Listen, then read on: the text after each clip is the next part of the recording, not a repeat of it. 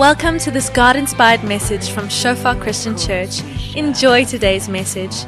May you experience the presence of our Father and may you grow deeper in your relationship with Him. Oh Jesus, your love overruns. So vanoggend gaan ons begin met hoofstuk 2 van 1 Timoteus. Ons is besig om deur die pastorale briewe te werk, 1 en 2 Timoteus en Titus. En ons gaan vandag kyk na vers 1 en vers 7. En baie belangrik vir ons om te onthou dat jy weet die briewe wat geskryf was, hulle het nie hoofstukke en so gehad nie. Ons het dit later ingesit om net 'n lekker bietjie sin te maak soos wat ons deur goedjies werk en te kan trek hou van waar ons is. Maar soos wat hulle die brief sou lees, sou die brief net volg. En baie keer is ons geneig as ons by 'n tweede hoofstuk kom of so om te vergeet van die eerste een. En baie keer ja, staan goed apart en ons verskillende onderwerpe wat geadresseer word. Maar ons moet dit nog steeds aanskou in lig van die geheel van wat Paulus besig is om te skryf. En in hoofstuk 1 het hy vir Timoteus hierdie opdrag gegee en gesê die doel van hierdie opdrag is liefde uit 'n rein hart, 'n skoon gewete, 'n opregte geloof. Dis hoekom ons doen wat ons wil doen. Mag dit die kenmerkende aspek wees van dit wat ons as kerk doen, dit wat ons vir mekaar doen, dit wat ons hierso doen is liefde. En interessant genoeg is die eerste ding wat Paulus aanspreek valse leerstellings. Die mees liefste volste ding of die eerste ding waarop hy Timoteus wil laat fokus is hierdie valse leringe wat hy rond te doen in die kerk. En hy sê ek het jou gevra om daar te bly sodat jy sekere mense mag aanspreek en kan sê om nie verskillende doktrines te leer vir die mense nie. Dis nie liefdevol nie. En hierdie verskillende doktrines is van wetteloosheid aan die een kant tot mense wat erg wetties is aan die ander kant. Elke liewe gedeelte daarvan. En dan verduidelik Paulus die krag van die evangelie en hy illustreer dit in sy eie lewe dat die evangelie is dit wat red, die evangelie is dit wat verandering bring. En dan sê hy vir Timoteus: "Veg die goeie geveg. Meld aan vir diens." En dit gaan moeilik wees om die waarheid te verkondig want die mens in geheel is nie ontvanklik vir die waarheid in geheel nie. En doen dit soos wat jy veg, behou geloof en 'n goeie gewete, want party het 'n goeie gewete geonderdruk en daardeur skibreek gemaak van hulle geloof. En dan gee hy 'n voorbeeld van ander en sê ons moet hulle buitekant die kerk sit of hy het hulle buitekant die kerk gesit. En in lig van daai is ons nou hier by hoofstuk 2. En hy het hierdie opdrag gegee in geheel om die evangelie te verkondig en te verdedig in lig van valse leerstellings en nou raak Paulus prakties. Vir die wat wil weet, hoe lyk dit? Vir ander woorde, die wat vir okay, cool, Paulus, hoe lyk dit nou? Waar begin ons? Hoe lyk dit vir ons as individue? Hoe lyk dit vir ons as kerk? Hoe lyk dit vir ouderlinge? Hoe lyk dit vir mans? Hoe lyk dit vir vrouens? Hoe lyk dit vir die wat getroud is? Hoe lyk dit vir weduwees? Hoe lyk dit vir kinders? In elke opsig hier sou dit lyk om die evangelie te verkondig en uit te leef. En hier tel ons nou die storie op in hoofstuk 2. So kom ons lees lekker saam van vers 1 tot 7. In die eerste plek vermaan ek dan dat smeking, gebede, voorbedes, danksegginge gedoen moet word vir alle mense vir konings en almal wat hoog geplaas is, sodat ons 'n rustige en stil lewe kan lei in alle godsvrug en waardigheid. Want dit is goed en aangenaam voor God ons verlosser wat wil hê dat alle mense gered word en tot die kennis van die waarheid kom. Want daar is een God en een middelaar tussen God en die mense, die mens Christus Jesus wat homself gegee het as 'n losprys vir almal. As die getuienis op die regte tyd Want toe ek aangestel is as 'n prediker en apostel, ek sê die waarheid in Christus, ek lieg nie, 'n leraar van die heidene in geloof en waarheid. Lekker kompakte stuk skrif hierso vir oggend. Maar om by die hart daarvan uit te kom en om lekker prakties te raak vir oggend, is die doel hiervan. En ook soos wat ons deur hierdie skrif lees om hierdie twee aspekte wat Paulus besig is om aan te spreek te verstaan, is eerstens 'n werk wat in ons moet gebeur en ook 'n werk wat daar buite moet gebeur. Dan moet iets hier binne gebeur en dan moet iets daar buite gebeur. Jammer vir die voel julle, ek kan hom nou nie uitjaag nie. Nie daai tipe tipe krag nie. En as baie van ons sukkel om op te let, jammer ek. Dis sommer so ek sal probeer hard praat as ek sien die voel vlieg rond. Maar om lekker prakties te raak vanoggend en en by die kern van dit uit te kom. En hierso gee hoofstuk 7 vir ons en jammer ook vir die wat nie geweet het daarso voel nie. Nou wonder julle waar's die voel. Nou, ek sien dit ook. Hy's hy's op hierdie hierdie enetjie net hierso. Daar waar die lig nie skyn nie, sien julle hom? Yes. Dis 'n duif.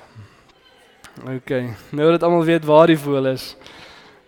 Kom ons gaan aan. Ek het gesien daai was my skuld. Net baie geweet van hom en toe wonder baie van hom, maar kom ons gaan aan. Hierson vers 7 kry ons 'n bietjie van 'n konteks wat net vir ons 'n bietjie van 'n 'n indruk gee waaroor hierdie stuk skrif gaan. Soos wat ek sê, ons is geneig om baie keer oor hierdie stuk skrif te lees en ons raak opgevang in dit wat daar buite moet gebeur en ons mis dit wat hier binne moet gebeur, soos wat ons deur hierdie stuk skrif werk. En Paulus praat hier so oor oor gebed en gebede vir alle mense en dan sê hy want toe ek aangestel is as 'n prediker en 'n apostel, ek sê die waarheid in Christus, ek lieg nie. Dis nog 'n interessante stelling dat Paulus iewers sal sê, "Hey julle, ek jok regtig nie, dis regtig die waarheid." Glo my. 'n Leraar van die heidene in geloof en waarheid. En die rede daarvoor is is van een van die grootste struikelblokke van die vroeë kerk en die goed waarmee hulle gesukkel het, spesifiek die Jode, is hierdie idee dat almal is geroep om gered te word. God se redding is vir almal. Dis nie net vir 'n spesifieke klas mense nie, dis nie vir 'n spesifieke ras mense nie, dis nie vir iemand met 'n spesifieke nasionaliteit nie, Dis nie vir mense wat onderrig ontvang het of nie onderrig ontvang het nie. Dis nie vir 'n spesifieke man of 'n vrou nie. Almal. Almal kan gered raak. En in die kerk het mense gesukkel met hierdie divisies dat net sekere mense is geroep om red, gered te word. En dit wat hulle dan kry is nie net dat hulle nie bid en die evangelie verkondig vir sekere mense nie, maar ook nie in liefde optree teenoor sekere mense nie. En ons sien hierdie gesukkel deur baie van die briewe soos wat Paulus dit skryf en hy sê God wil regtig hê dat almal gered moet word. En Paulus sê dit was vir my ook snaaks want God moes hierdie les vir my ook leer. Ek het nie baie van die heidene gehou nie, ek het die kerk vervolg. Ek het gesê dis net vir die Jode. En toe stuur God my na die heidene toe. Toe maak hy my die apostel vir die heidene en hy vat vir Petrus die visserman en stuur hom na die Jode toe. En ook om te wys dat God is een wat krag gee en aanstel tot sy diens. Ek meen in ons menslike persepsies ons dalk gedink het ook en miskien moet ons vir Paulus vat die skrifgeleerde wat letterlik meeste van die Ou Testament amper uit sy kop uit kon opsê en hom na die Jode toe stuur. Hy ken mos sy skrif so. En kom ons vat vir Petrus, die visserman wat nie regtig die woord so goed ken nie, wat bietjie meer van 'n rowwe ouetjie is wat 'n bietjie meer verfyning nodig het. En ons stuur hom na die heidene toe wat in elk geval nie die woord van God ken nie. En God sê nee, ek gaan dit andersom doen. Ek vat die visserman stuur hom na die Jode toe. En ek vat die skrifgeleerde en ek stuur hom na die heidene toe. Want die krag van God lê nie in ons manier om te redeneer met mense nie, maar aan die evangelie wat red. Amen. En so in lig van hierdie universele opdrag van die evangelie vir alle mense, in lig van daai konteks, kom ons lees lekker deur en kyk wat ons kan leer. Vers 1. In die eerste plek vermaan ek dan dat smeking, gebede, voorbedes, danksegginge gedoen moet word vir alle mense. In die eerste plek vermaan ek dan dat smeking gebede voorbedes danksegging gedoen moet word vir alle mense. En hierso gee Paulus vir ons die omvang van gebed en ook die doel van gebed. En ons gaan nou sien reg deur die boek hierdie twee realiteite, 'n werk hier binne en 'n werk daar buite. Albei is veronderstel om te gebeur. Daar's 'n werk wat wat gedoen word in die hart van die persoon wat bid en dan is daar 'n werk wat gedoen word vir die persone waarvoor ons bid. En 'n belangrike ding om hier op te let, soos wat ek gesê het, ons moet die eerste hoofstuk in ag neem. Paulus skryf hierso in die eerste plek vermaan ek dan. In the first place then. Dan. Onthou wat ek gesê het, daar's ons hierdie opdrag om die evangelie te verkondig en te verdedig in die lig van valse leerings. Ons moet die goeie stryd stry en ons moet geloof en 'n goeie gewete vashou. En as jy in geloof en 'n goeie gewete wil vashou in die eerste plek dan. In lig van dit, bid dan. En ons twee redes vir dit. Want wanneer ook al ons 'n goeie gewete onderdruk, is ons nie in liefde optree teenoor ander mense nie. As ons in selfsug lewe en nie in liefde nie. Jesus sê die hele wet kan hierin opgevang word om God lief te hê en jou naaste soos jouself. Dit omvang die hele wet van God om in liefde op te tree vir mense en nie ons idee van liefde nie, maar skrif se idee van liefde.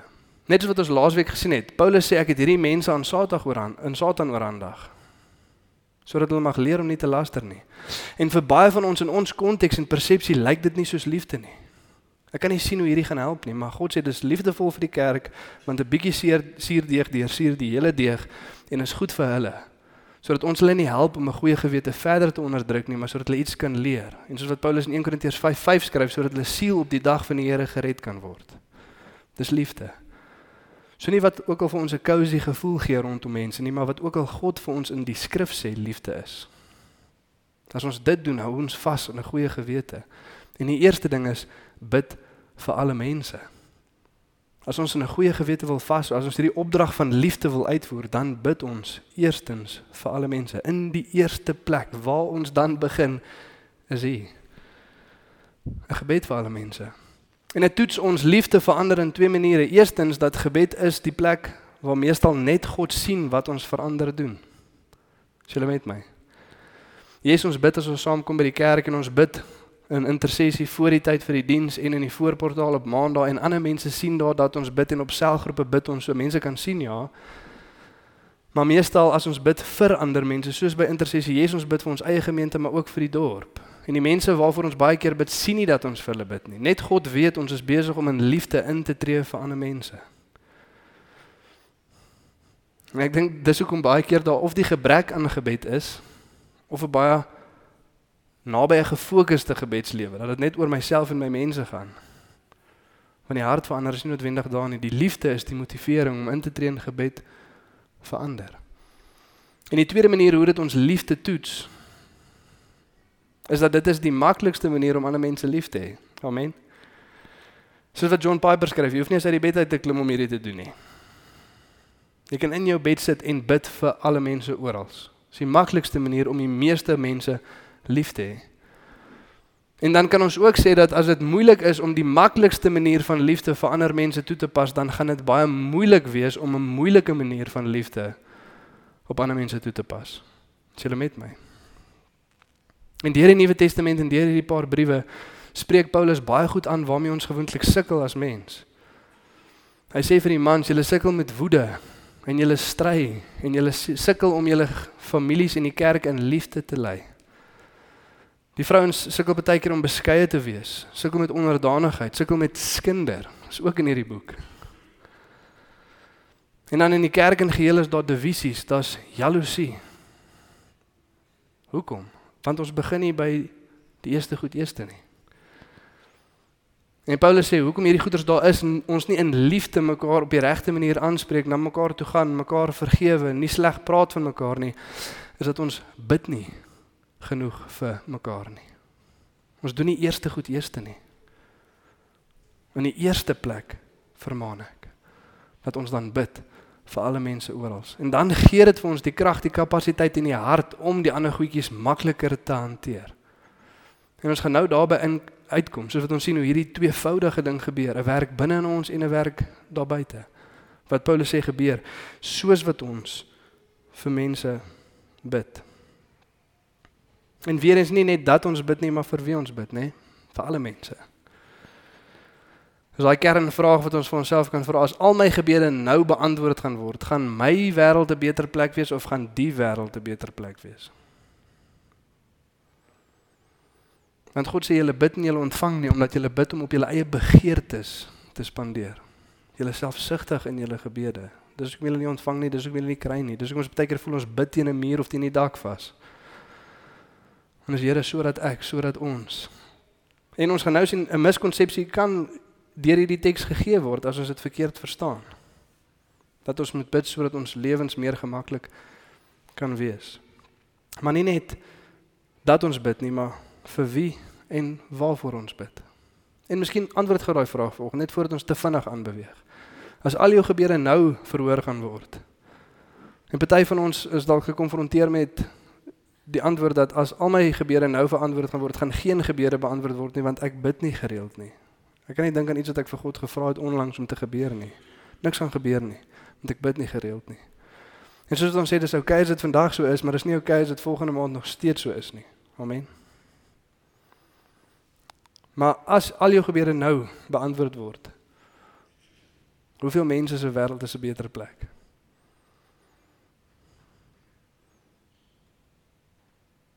Het net jy meer goed en dingetjies en voorsiening of is die wêreld in geheel 'n bietjie beter as die resultaat van ons gebede wat ons bid vir alle mense?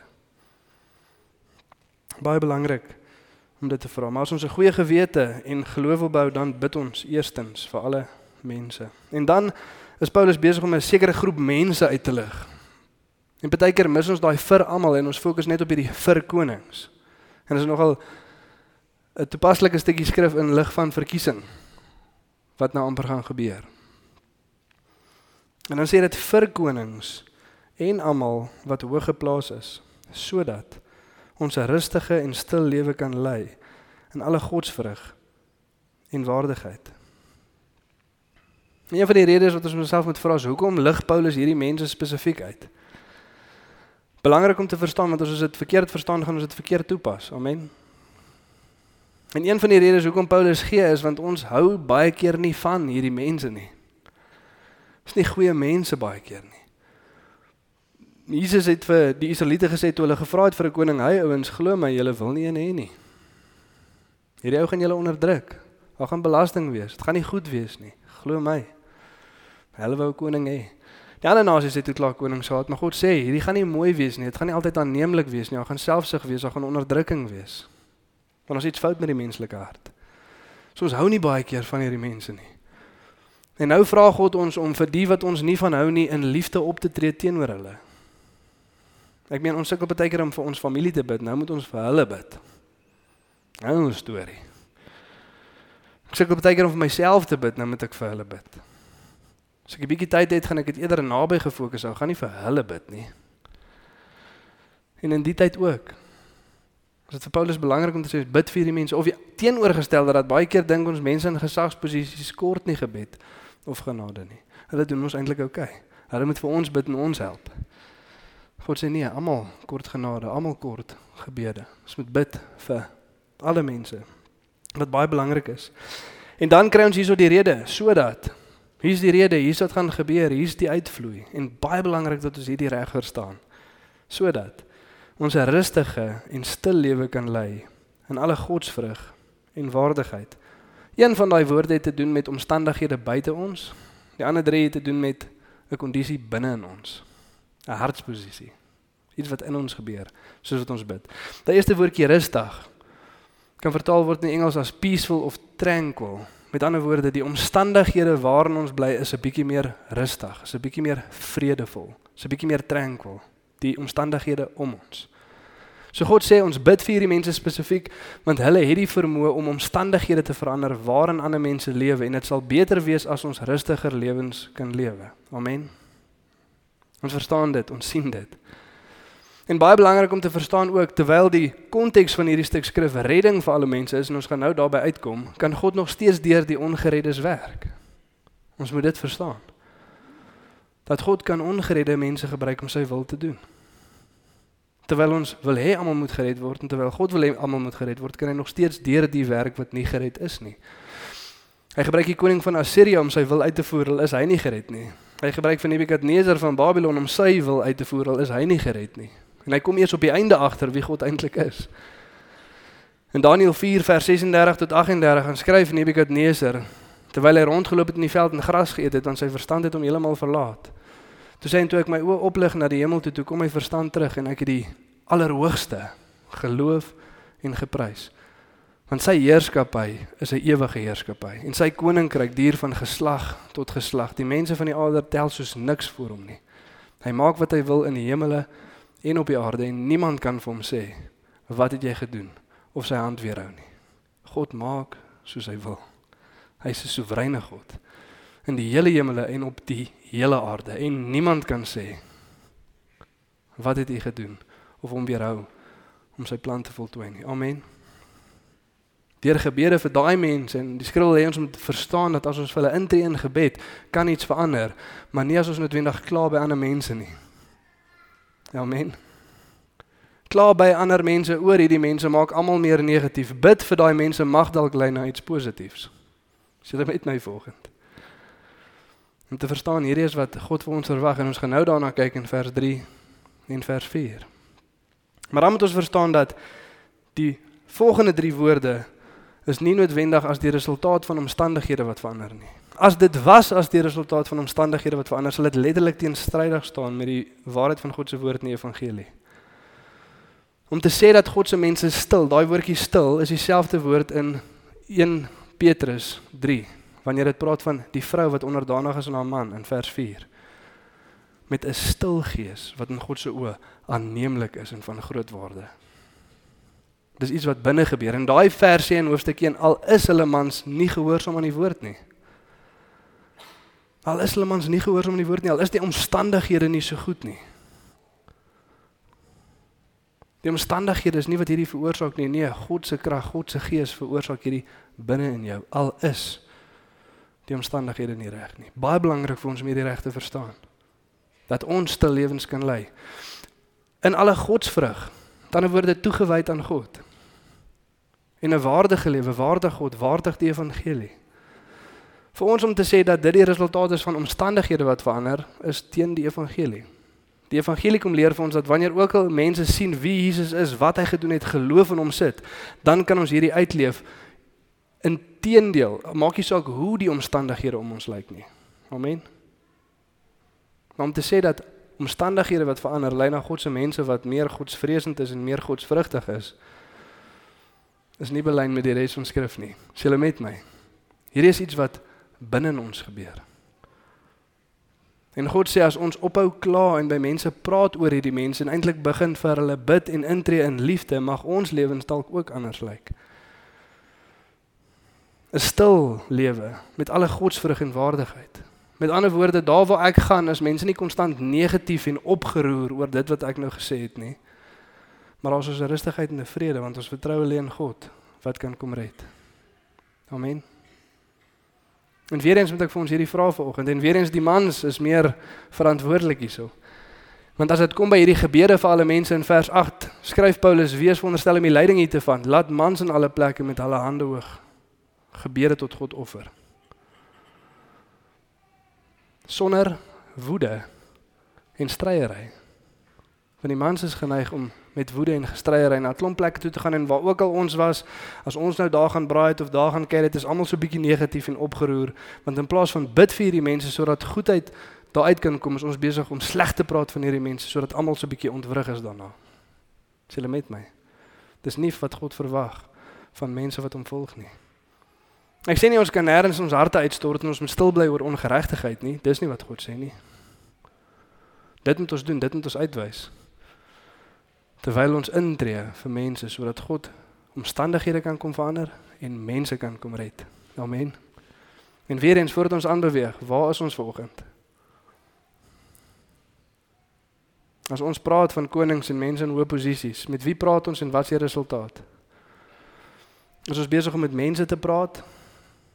En die resultaat is 'n opstandigheid, 'n negativiteit, 'n vrees. Of as ons praat van hulle is ons besig om met God te praat en vir hulle goed. Sodat geregtigheid kan geskied en ons stil lewens kan lei met alle godsvrug en waardigheid. Moeilik een, ek verstaan dit. Paulus skryf nie hierdie omdat dit maklik was nie. As dit maklik was, het die mense dit net gedoen en nou hoef dit nie eens te gesê het nie. Amen. Dit is nie maklik nie, maar dis wat God van ons verwag om mense lief te hê. Amen. En dan in die volgende paar verse sien ons ook wat is dit wat Paulus wil hê moet gebeur in hierdie gebede. Hoekom? Hoekom doen ons dit? Want hier's hoekom. Vers 3. Want dit is goed en aangenaam vir God ons verlosser. Wat wil hê dat alle mense gered word en tot die kennis van die waarheid kom. En weer eens hierso moet ons daai twee goedjies sien, 'n werk binne en 'n werk daar buite.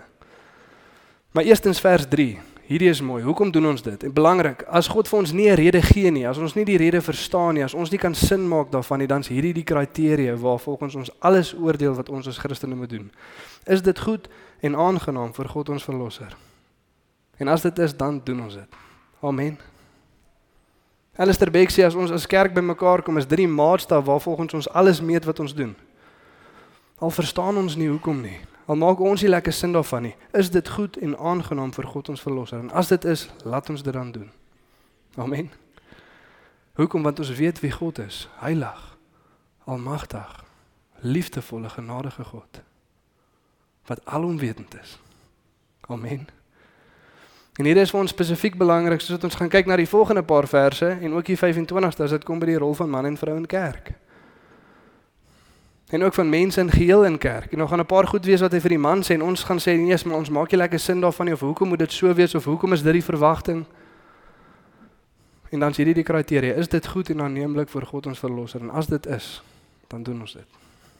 En vir die vrouens gaan hy 'n paar goed sê en ons gaan wonder maar hoekom en hoekom kan ons nie, hoekom mag ons nie en hoekom hierdie so? En die kriteria is is dit goed en aanneemlik vir God ons verlosser. En as dit is, dan doen ons dit so. Amen. Ek sê nie God gee nooit vir ons die rede nie. Meestal doen hy. Maar in die kere waar hy nie doen nie en die kere waar ons dit nie verstaan nie, hoef ons dit nie uit te figure voor ons gehoorsaam is nie. Amen.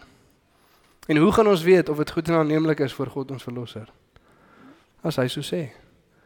So eenvoudig soos dit. As God dit vir ons in sy woord gee om te doen, dan weet ons hierdie is goed en aanneemlik vir God ons verlosser. En mag ons dan so lewe. Amen. Hoekom bid ons vir konings? Primêr, dis goed en aanneemlik vir God ons verlosser. En as ons dit nie doen nie, as ons nie gehoorsaam teenoor God ons verlosser nie, die een wat ons gered het, die een wat sy lewe vir ons gegee het, die een wat genade oor ons uitgiet.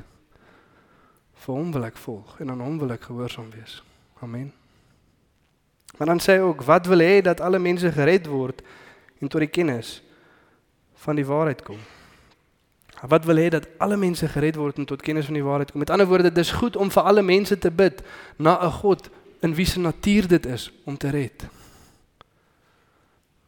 Dis goed om vir almal te bid tot 'n God in wie se natuur dit is om te red. God ons verlosser, wat wil hê dat almal gered word. Hy het ons gered, hy wil ander red. En daarom bid ons vir God, ons redder. En weer eens belangrik om hierso te verstaan dat hierdie is ook dan 'n werk binne in ons en 'n werk daar buite. Hoekom? Want hoe word mense gered? Deur die waarheid sien as dit hierso sê dat hy wil hê dat alle mense gered word en tot kennis van die waarheid kom, beteken Paulus nie hierdie is twee aparte gebeurtenisse nie. Hy sê nie ons gaan hier so hard bid en dan gaan mense spontaan daar buite ont, ontplof in redding in nie. En dan nadat hulle gered is, gaan hulle besef, "Jesus, ons moet seker kerk toe gaan sodat ons kan agterkom wat hier aangaan." Dan gaan hulle hiertoe kom en dan gaan ons hulle die waarheid verkondig nie, nee. Dis wat saam gebeur.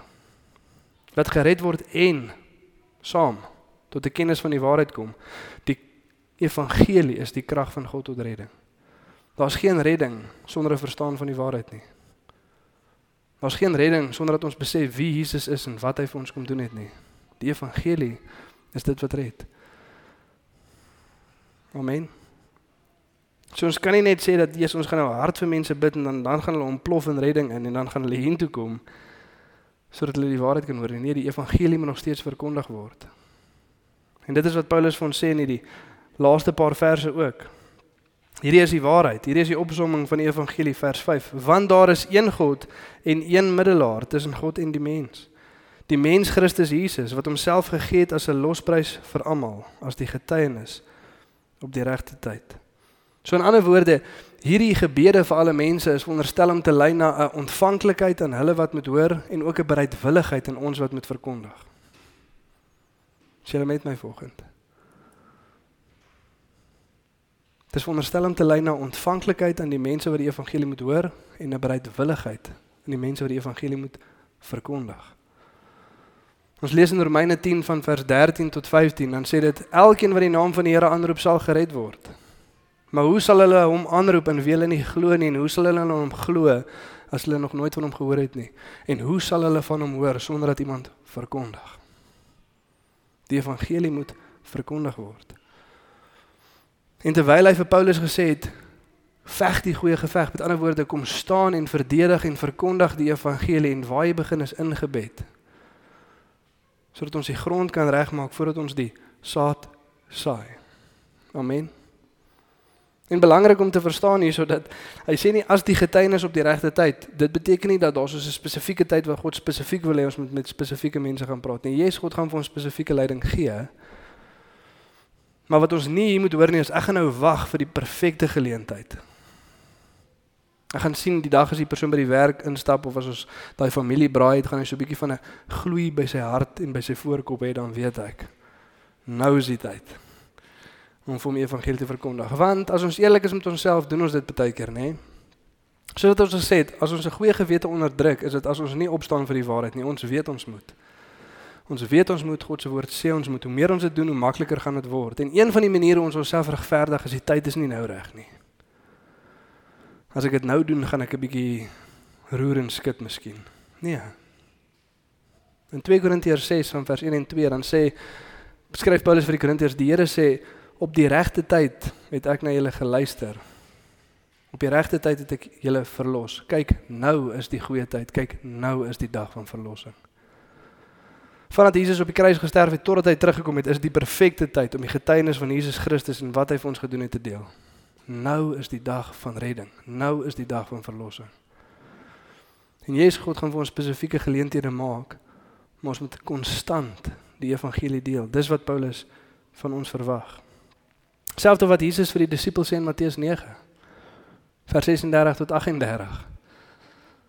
As dit kom by die verkondiging van die evangelie en toe hy die skare sien het hy hulle innig jammer gekry en gesê die mense is soos skape sonder 'n herder. Die oes is groot, die arbeiders min. Wat moet ons doen? Eerste dan bid. Draai na sy disippels toe bid tot die Here van die oes om arbeiders uit te stuur. En soos wat hulle gaan bid, wie is die mense wat uitgestuur word? Hulle. Hoekom? Want bid vir daai mense gaan altyd 'n werk hier binne doen. Die werk moet hier binne gebeur en daar buite. As ons konstant bid maar dit verander niks hier binne nie, dan bid ons verkeerd. As julle met my. Moet 'n werk hier binne doen en 'n werk daar buite. Gebed reinig die hart en gebed dring die hart tot aksie. Dis wat gebed in ons doen. En hierdie is die woorde wat ons dan verkondig in hierdie wêreld daar buite. Vir alle mense, daar's een God. Daar's nie hierdie duisende maniere na God toe nie. Daar's een God. Hulle kan nie gered word deur daai persoon en deur daai persoon en al hierdie verskillende gode, verskillende manifestasies van God aan verskillende mense in hulle konteks en in hulle kultuur nie. Nee. Daar is een God. Daar is een God. Daar's geen redding behalwe deur hierdie een God nie. En daar's een middelaar tussen God en mens. Die mens Jesus Christus. Niemand kom na die Vader toe behalwe deur my nie. En baie belangrik om ook te verduidelik hoekom kort ons 'n middelaar. Ons kan nie self tot God nader nie. Ons goeie werke is nie goed genoeg nie. Ons het 'n sondige natuur. Hy's 'n heilige God. Oordeel gaan kom. Om die volheid van die evangelie oor te dra, is ons verantwoordelikheid om die goeie stryd te stry. En dit begin in gebed om die grond voor te berei en 'n bereidwilligheid hier binne te kweek om in volheid die waarheid te verkondig. Amen. Maar hierdie een God het homself gegee as 'n losprys vir almal. En dit beteken nie dat almal nou net ewe skielik gered is nie. Nee, maar vir die wat in Jesus glo, sal daar verlossing wees. Maak nie saak wie jy is of wat jy gedoen het nie. Belangrik vir die kerk en weer eens in lig van wat Paulus sê, die eksklusiwiteit. Hierdie mense wat dink, maar ons is dalk beter as ander, ons verdien dalk hierdie redding. Ander mense doen nie nee. Het homself gegee as losprys vir almal. So nodig soos wat daai persoon dit het, so nodig het jy dit gehad. En soos wat dit beskikbaar is vir jou, soos dit beskikbaar vir hulle. Amen. Ek wil vir ons afsluit met hierdie paar punte waar ons deur kan gesels met mekaar en ook ek weet, ek weet dit is nie vir almal gemaklik nie. Dit is baie keer 'n bietjie ongemaklik om na mense toe te draai en die deur te gesels, maar is nodig. Amen. Dis nodig. Ons luister ons bly in 'n kultuur van inligting en daar's so baie inligting en soveel goed. As ons dit nie hierso bespreek, lekker vasmaak en daardeur bid nie, is dit hierso in en daarso uit. En ons hardloop baie keer weg van dit wat God binne in ons wil kom doen. So ek verstaan is ongemaklik vir party, maar is nodig. En hier is die punte. 1. Hoe lyk my gebedslewe? Hoe lyk my gebedslewe? En kom ons wees eerlik met mekaar. Kom ons deel lekker diep. Maar hoe lyk my gebedslewe? Wat gaan aan? Hoe gereeld gebeur dit? Wat is die inhoud van dit? Waarvoor bid ek? Waarvoor vertrou ek die Here? Miskien vir mans en vrouens hierdie 'n mooi ding soos wat ons bietjie vir 'n keer na mekaar toe draai. As ons nie klaar weet nie, maar waarvoor bid ons? Waarvoor vertrou ons die Here? Wat is besig om aan te gaan sodat ek saam kan intree saam met my man of my vrou? En vir God kan gaan vra. Amen. Tweede een. Lei my tyd in gebed na 'n lewe wat stil, toegewyd en waardig is. Met ander woorde, as ons dan gereeld in gebed is, verander dit ietsie binne. Of is ek besig om divisie en oproering te veroorsaak daar waar ek gaan? Daar waar ek gaan is mense negatief opgeroer en partykeer ook sommer deurmekaar. Maar verander dit ietsie binne. Is my gebedslewe besig om te lei na 'n lewe wat stil, toegewyd en waardig is? En 3 is ek gereeld besig om te bid vir die redding van alle mense. En ek glo sterk en ons sien dit in skrif dat die rede hoekom die kerk in geheel sukkel met evangelisasie is omdat ons nie bid vir die redding van alle mense nie. Want as ons bid vir hulle, lei dit na ontvanklikheid daar en 'n bereidwilligheid hier. Amen. So kom ons vat 'n paar minute draai na die persoon langs aan jou toe. Dan bespreek ons dit lekker en bid lekker daardeur. En dan is lekker vir ons oor 'n rukkie sommer afsluit in gebed. Of kom ek sluit vir ons af in gebed en dan kan ons met mekaar lekker gesels en daardeur bid en wanneer jy klaar is kan jy 'n koffietjie gaan gryp. Maar asseblief moenie net hardloop nie. Kom ons praat ten minste hierdeur. Dankie Here vir u goedheid. Dankie vir u genade Here, dankie vir u woord. Dankie vir konfronterende waarhede baie keer Here. Ons in 'n land en 'n konteks lewe waar baie mense negatief is Here en daar waar ons gaan sweep ons mense op en ons maak mekaar negatief en ons is vol van die vrees terwyl U vir ons verwag dat ons moet intree en bid vir alle mense. En nie nie net vir hulle nie Here, maar ook vir ons sodat ons kan vashou in geloof en 'n goeie gewete. Soos wat ons mense liefhet op die maklikste en praktiesste manier om vir hulle in te tree in gebed. En sodat daai gebed Here ietsie binne kan verander en ook iets daar buite. En ek kom vra Here dat U in ons 'n breedwilligheid Vader sal skep om die evangelie te gaan verkondig en te verkondig in sy volheid. In Jesus naam. Amen. Kom ons draai na mekaar toe aan. Bespreek ons dit lekker.